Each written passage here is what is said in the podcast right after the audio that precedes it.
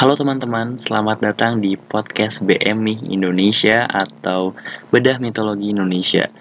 Di sini saya sebagai host, yaitu Radinal Satrio, akan mengulik, membedah, dan juga memberitahu atau menceritakan tentang berbagai mitologi yang ada di Indonesia.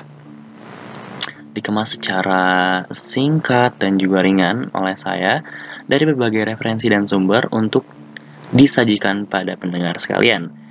Jadi, tanpa menunggu lama-lama, langsung saja kita bahas pada episode pertama dari podcast BMI Indonesia ini.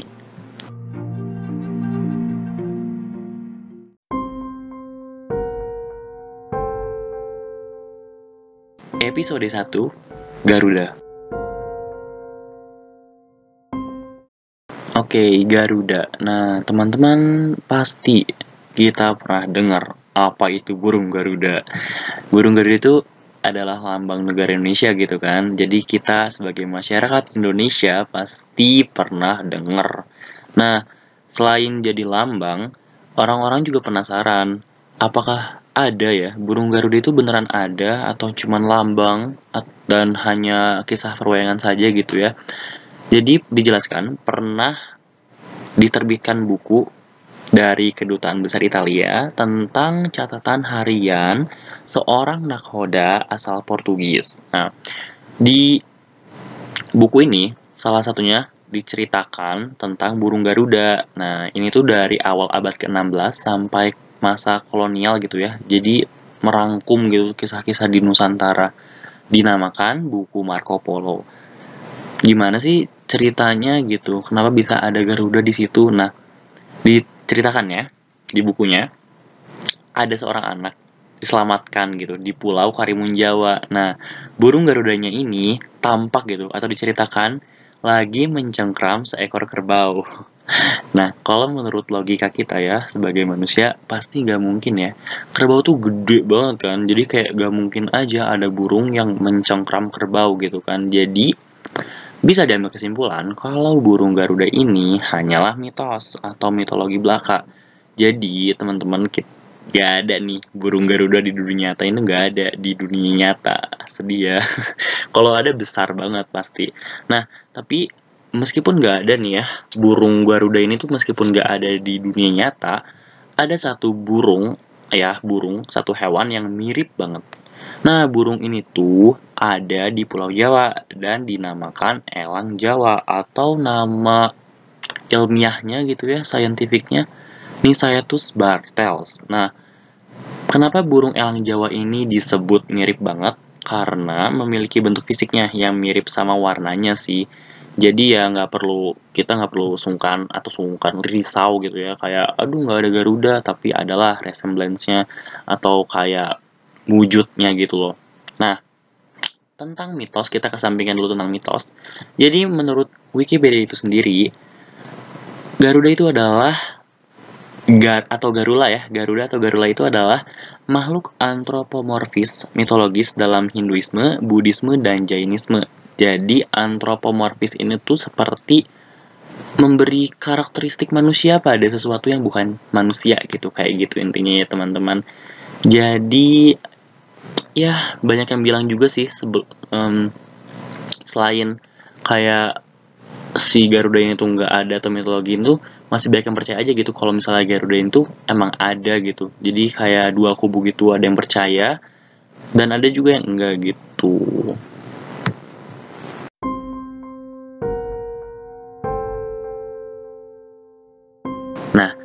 Garuda dalam hasanah sejarah Nusantara muncul dalam berbagai mitologi yang diajarkan dalam agama Hindu. Jadi, banyak banget muncul di mitologi yang diajarkan gitu ya di agama Hindu.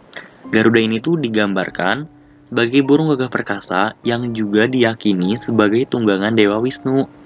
Nah, burung Garuda ini kayak penampilannya sebagai manusia burung dengan bulu keemasan dan juga memiliki mahkota di kepalanya. Jadi ukuran tubuhnya juga sangat besar gitu ya, sangatlah besar. Nah, dia punya sinar kan, si Garuda ini punya sinar. Sinarnya ini sangat terang, jadi para dewa sampai mengira dia itu Agni atau dewa api dan juga mulai memuja-muja Garuda ini sendiri. Garuda digambarkan atau dilukiskan memiliki kepala, sayap, ekor, dan moncong burung elang, serta tubuh, tangan, dan kaki seorang manusia. Mukanya putih, sayapnya berwarna merah, dan tubuhnya berwarna keemasan. Nah, pada masa pemerintahan Raja Airlangga di Kahuripan, untuk mengokohkan kedudukan politiknya, Airlangga dianggap sebagai titisan Dewa Wisnu Kemudian digambarkanlah air langga sebagai titisan Wisnu yang sedang mengendarai Garuda. Nah, Garuda Wisnu Kencana. Nah, itu tuh adalah simbolisasi yang dipergunakan sebagai simbol kerajaan Kahuripan.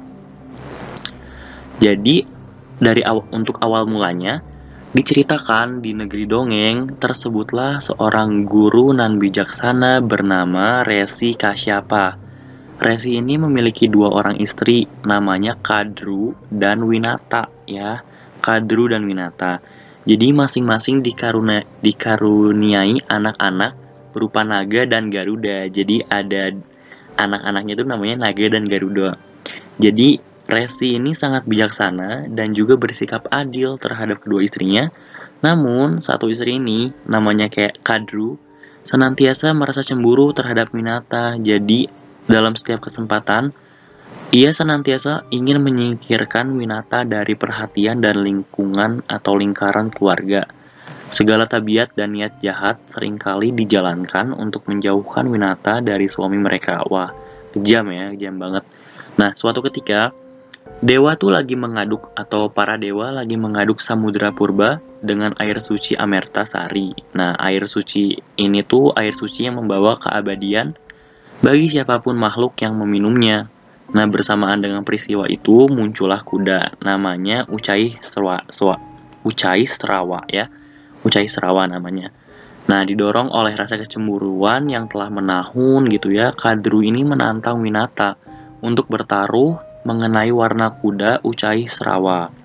Nah, barang siapa yang kalah dalam pertaruhan, ia harus menjadi budak, budak seumur hidup yang harus taat dan patuh terhadap apa pun kehendak dan perintah sang pemenang. Jadi kayak kalau kalah jadi budak udah udah nggak bisa ngapa-ngapain gitu kan. Nah dalam taruhannya Kadru bertaruh Ucai so, so ah, maaf guys Ucai Serawa berwarna hitam. Jadi Kadru ini yang jahat tadi yang cemburu pada satu satu istri lainnya gitu ya berwarna hitam gitu bertaruh Ucai Serawa ini berwarna hitam. Sedangkan Winata, istri yang satunya, memilih warna putih. Nah, para naga tahu bahwa kuda Ucai Serawa sebenarnya berwarna putih atau berwarna putih. Nah, mereka kemudian melaporkan hal tersebut kepada Kadru, ibunda mereka. Atas pelaporan para naga, putranya, Kadru, secara licik memerintahkan para naga untuk menyemburkan bisa mereka ke tubuh kuda putih agar nampak seperti kuda hitam gitu. Waduh, udah salah ngotot gitu ya. Nah, usai Serawa ini tiba di hadapan Kadru dan Winata, nampaklah kudanya itu warna hitam gitu, bukan putih. Jadi udah disembur tadi sama naga, jadinya warna hitam kan. Singkat cerita, Winata harus menjadi budak nih gara-gara kalah di pertaruhan tadi dan melayani segala perintah Kadru seumur hidupnya yang tersisa. Waduh, jahat banget ya ini Kadru ya. Nah, sebagai anak yang sangat berbakti pada ibundanya, si Garuda ini, tadi Garuda kan adalah anak dari Winata ya. Jadi merasa sangat marah nih atas kelicikan para naga yang telah membuat kebohongan besar atas diri Winata. Garuda ini tahu, si Garuda ini tahu kalau misalnya mereka tuh licik kan. Nah, dengan kemarahan meluap, diseranglah para naga dan terjadi pertempuran yang sangat dahsyat di atas langit antara Garuda dan para naga, yaitu anak dari Winata dan juga anak Kadru, yaitu naga. Nah, dikarenakan kekuatannya dan kesaktian di antara kedua kubu sama dan seimbang gitu ya. Perang juga Perang itu juga berlangsung sepanjang saat sebagai ombol keabadian pertempuran antara nilai kebaikan dan kebatilan gitu. Karena pertempuran berlangsung sekian lama panjangnya, jadi naga ini atau para naga ini bersedia memberikan pengampunan atas perbudakan terhadap Winata asalkan asalkan nih ada asalnya ya. Garuda ini mampu memberikan tirta suci Amertasari yang tadi yang dapat memberikan keabadian hidup mereka dan ibunya. Jadi kayak disuruhlah intinya tuh kayak kalau kamu mau ibu kamu Winata ini lolos atau selesai sebagai budak, kamu harus ngambil bagi kita gitu ngambilin kita Tirta Suci Amartasari buat beri keabadian pada kita gitu. Naga dan Kadru yang tadi ngomongnya kan. Akhirnya Sang Garuda menyanggupi apa pun yang harus ia lakukan asalkan ia dapat membalas, membalaskan ibu ibundanya gitu. Jadi akhirnya diambil juga kan. Nah dalam pengembaraannya ini pencarian Tirta Suci Amartasari Garuda ini berjumpa dengan Dewa Wisnu ketika minta air suci tersebut Wisnu mempersyaratkan akan memberikan air tersebut asalkan Sang Garuda menyanggupi diri untuk menjadi tunggangan bagi Dewa Wisnu gitu. Nah, Garuda selanjutnya mendapatkan tirta suci, tirta suci Amertasari yang ditempatkannya dalam wadah Kamandalu. Nah, bertali rumput ilalang gitu kan akhirnya dapat dari Dewa Wisnu ini. Dengan air suci Amertasari, para naga berniat mandi untuk segera mendapatkan keabadian hidup. Bersama dengan itu, Dewa Indra, ada Dewa Indra nih, yang kebetulan melintas mengambil alih air suci. Aduh, kasihan ya. Dari wadah Kamandalu, tersisalah percikan air pada sisa tali ilalang. Tanpa berpikir panjang, percikan air pada ilalang tersebut dijilati oleh para naga. Tali ilalang sangatlah tajam, bagaikan sebuah mata pisau. Tatkala menjilati ilalang tersebut, terbelahlah lidah para naga menjadi dua bagian. Nah, jadi mungkin ini adalah asal usul kenapa seluruh warga keluarga besar naga dan semua keturunannya itu akhirnya memiliki lidah yang bercabang gitu. Nah, ini tuh kisah Garuda dari mitologi Hindu gitu ya. Nah, selain mitologi Hindu, Garuda juga ada atau muncul dalam mitologi Buddha.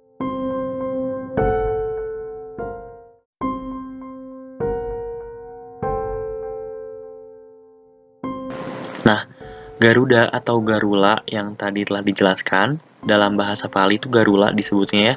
Bahasa Pali itu adalah bahasa pengantar naskah Buddhis. Mereka itu adalah golongan burung dengan sayap cemerlang gitu. Menurut konsep agama Buddha tentang tumimba lahir samsara atau reinkarnasi, mereka ini adalah salah satu dari Astasena atau Astagatya, yaitu delapan kelompok makhluk gaib. Nah, Selain itu, dalam seni rupanya juga nih ya, seni rupa Buddha, mereka tuh dirupakan dalam posisi duduk dan mendengarkan khotbah Sang Buddha. Musuh mereka juga adalah para naga atau ular, dan kadangkala digambarkan sedang mencengkram ular dengan cakarnya. Tadi di Hindu, kita dengarkan teman-teman, kalau misalnya naga ini tuh adalah musuhnya dari Garuda itu sendiri gitu. Nah, sebagaimana dalam kesenian Hindu, ikonografinya juga atau ya ikon-ikon yang dibuat itu berbentuk zoomorphis atau wujud burung raksasa maupun separuh antropomorfis yaitu setengah burung dan setengah manusia. Nah, ini itu adalah hal yang lazim dalam tradisi Buddhis, jadi sama kayak Hindu tadi ya. Nah, menurut agama Buddha, Garuda ini tuh merupakan predator raksasa dengan ukuran bentang sayap mencapai 330 yojana. Nah, yojana ini sendiri adalah sebuah unit atau satuan untuk mengukur jarak. Nah, kalau misalnya satu yojana itu tuh kurang lebih panjangnya sekitar 15 km. Jadi berapa bentang sayap dari Garuda yang sampai 330 yojana gitu ya. Dikali aja berarti besar banget kan. Nah, mereka juga diceritakan sebagai makhluk dengan kecerdasan dan juga punya perkumpulan sosial. Waduh, keren banget ya sosialita gitu. Nah, kadang-kala mereka juga disebut Suparna atau dari kalau bahasa Balinya itu Supana sebuah kata Sanskerta yang artinya bersayap bagus. Sebagaimana kaum naga, mereka tuh mengombinasikan karakteristik hewan dan makhluk supernatural dan juga dapat dianggap sebagai golongan dewa tapi yang terendah gitu ya. Nah, selain bentang sayap dan tadi supana atau sayap bagus, bangsa Garuda ini tuh punya raja dan juga kota untuk mereka nih. Dan setidaknya memiliki kekuatan gaib, punya kekuatan gaib untuk berubah menjadi, menjadi manusia jika mereka ingin berurusan dengan manusia. Waduh, serem banget ya, hati-hati kalau ngutang nih. Nah, kalau misalnya menurut cerita Jataka atau sebuah kumpulan cerita tentang kehidupan Sang Buddha ketika masih berwujud hewan, mereka ini tuh merupakan penghuni Nagadipa atau Seruma gitu ya. Jadi dalam cerita Jataka tuh mereka merupakan penghuni Nagadipa atau Seruma. Nah, bangsa Garuda itu merupakan musuh para naga kan. Tadi udah dijelaskan gitu ya, mereka tuh musuh para naga gitu kan.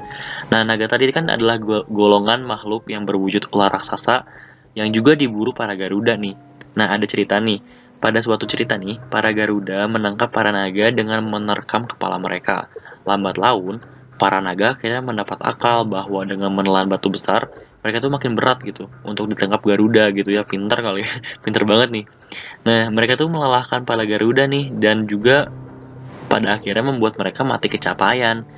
Tapi siasatnya dibongkar oleh petapa Karambia kepada salah satu Garuda nih. Jadi diberitahu gitu, dicepuin ya.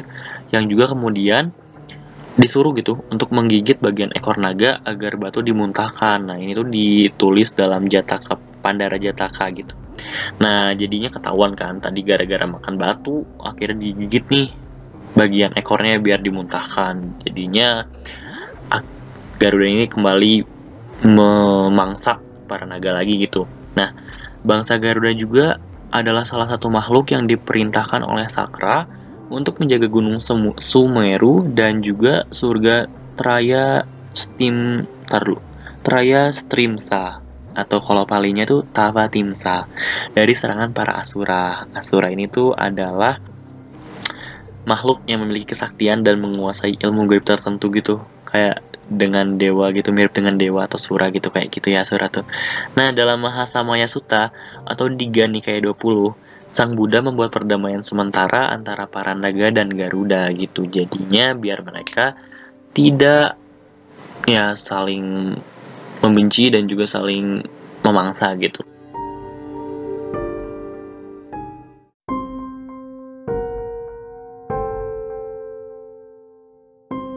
Nah, Garuda ini tuh memiliki nama-nama lain nih. Di antaranya adalah Kasyapi, Wainatea, Suparna, Garutman, Daksaya, Salmalin, Tarksya, dan Winayaka. Selain nama-nama lain, mereka juga memiliki nama-nama julukan. Disebutkan misalnya Sitanana atau wajah putih hijau, Rakta Paksa atau sayap merah, Sweta Rohita atau sang putih merah, Suwarna Kaya tubuh emas, Gagane Suara Raja Langit, Kage Suara Raja Burung, Nagantaka, dan sebagainya gitu ya. Selain Garuda sebagai lambang negara Indonesia ya, lambang Republik Indonesia, Garuda ini juga adalah lambang kerajaan Thailand nih. Wah, sama gitu ya. Selain lambang negara, mereka juga dipakai lambang kota yaitu lambang ibu kota Mongolia, Ulaanbaatar. Dan juga ya pasti terkenal nih ya Garuda Indonesia dan Garuda Food ya. Jadi dipakai nih ya oleh lambang perusahaan juga serta kalau dalam kebudayaan mungkin ada band beraliran, beraliran death metal asal Florida Amerika yaitu Morbid Angel menggunakan tokoh Garuda Bali dalam salah satu karya seni mereka. Waduh, keren banget ya death metal dipakai juga. Nah, untuk yang lainnya ada patung Bali juga nih kalau misalnya teman-teman tahu gitu ya, patung Bali Dewa Wisnu. Jadi ada patung di Bali tentang Dewa Wisnu lagi mengendarai Garuda. Selain itu juga ada sebuah patung Garuda di depan kuil Guru Fayur Krishna di Kerala, India. Selain itu ada juga di Bandara Ngurah Rai Bali nih, ada patung Garuda ya langsung disambut oleh patungnya serta deretan patung Garuda yang ada di Wat Prakyau atau sebuah wihara di Thailand yang sedang mencengkram naga. Selain itu ada juga lukisannya nih, tapi versi Bali jadi lukisan Garuda versi Bali karya satu karyanya Imade Telaga, seniman Bali abad ke-19. Nah, sekarang lukisan ini disimpan di Universitas Leiden gitu. Kalau kalian penasaran atau teman-teman penasaran, bisa buka di ada di cover bukunya PJ Jot Mulder gitu ya. Nah, selain tadi nama dan kayak patung, kalian penasaran gak sih kenapa burung Garuda akhirnya menjadi lambang negara Indonesia? Nah, pada 10 Januari 1950, dibentukkan panitia teknis dengan nama Panitia Lencana Negara di bawah Koordinator Menteri Negara Zonder Portofolio Sultan Hamid II dengan susunan panitia teknis yaitu Muhammad Yamin sebagai ketua, Ki Hajar Dewantoro, lalu ada MA Palupesi, Muhammad Natsir, dan RM Eng Purba Caraka sebagai anggota. Nah, panitia ini bertugas untuk menyeleksi usulan untuk rancangan lambang negara yang nantinya akan dipilih dan diajukan kepada pemerintah. Menteri Penerangan, Priyono, kemudian mengumumkan hasil sayembara perancangan lambang negara yang diikuti banyak peserta. Nah, dengan dua kandidat de dengan dua kandidat untuk dipilih dan diajukan kepada pemerintah yaitu rancangan Sultan Hamid II dan juga Muhammad Yamin. Jadi udah kepilih gitu. Ada dua yaitu Sultan Hamid II dan juga Muhammad Yamin. Nah, kalau misalnya kita merujuk ke keterangan Muhammad Hatta dalam Bung Hatta menjawab, pada proses selanjutnya yang diterima pemerintah dan DPR adalah rancangan rancangan Sultan Hamid II. Sorry, karya F. Muhammad Yamin tolak karena menyertakan sinar-sinar matahari yang menampakkan adanya pengaruh dari Jepang. Jadi yang dipakai itu adalah rancangan Sultan Hamid II gitu guys. Nah, setelah rancangan terpilih, Soekarno Muhammad Hatta dan Sultan Hamid Sultan Hamid II terus melakukan dialog intensif untuk menyempurnakan rancangan itu. Jadi akhirnya mereka bertiga sepakat mengganti pita yang dicengkram Garuda yang semula adalah pita merah putih menjadi pita putih dengan menambahkan semboyan Bhinneka Tunggal Ika.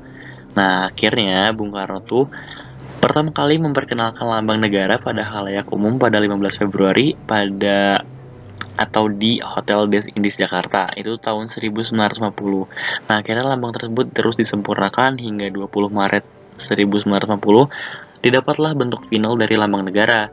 Akhirnya Soekarno tuh atau Pak Soekarno memerintahkan pelukis yaitu bernama Dula untuk melukis hasil penyempurnaan final lambang dari Garuda Pancasila dengan menambah skala ukuran dan tata warna. Nah, akhirnya rancangan Garuda Pancasila terakhir ini dibuatkan patung besar dari bahan perunggu berlapis emas yang disimpan dalam ruang kemerdekaan Monumen Nasional sebagai acuan dan juga ditetapkan sebagai lambang negara, Republik Indonesia dan juga desainnya belum berubah hingga sekarang.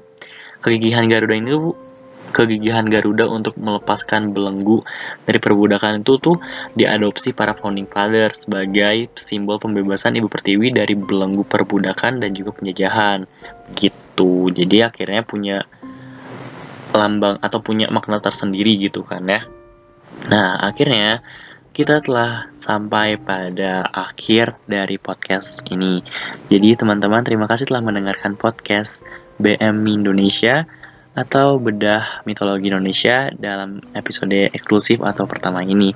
Terima kasih, selamat pagi, siang, sore, dan malam, dan selamat beraktivitas atau selamat istirahat. Semangat semuanya teman-teman.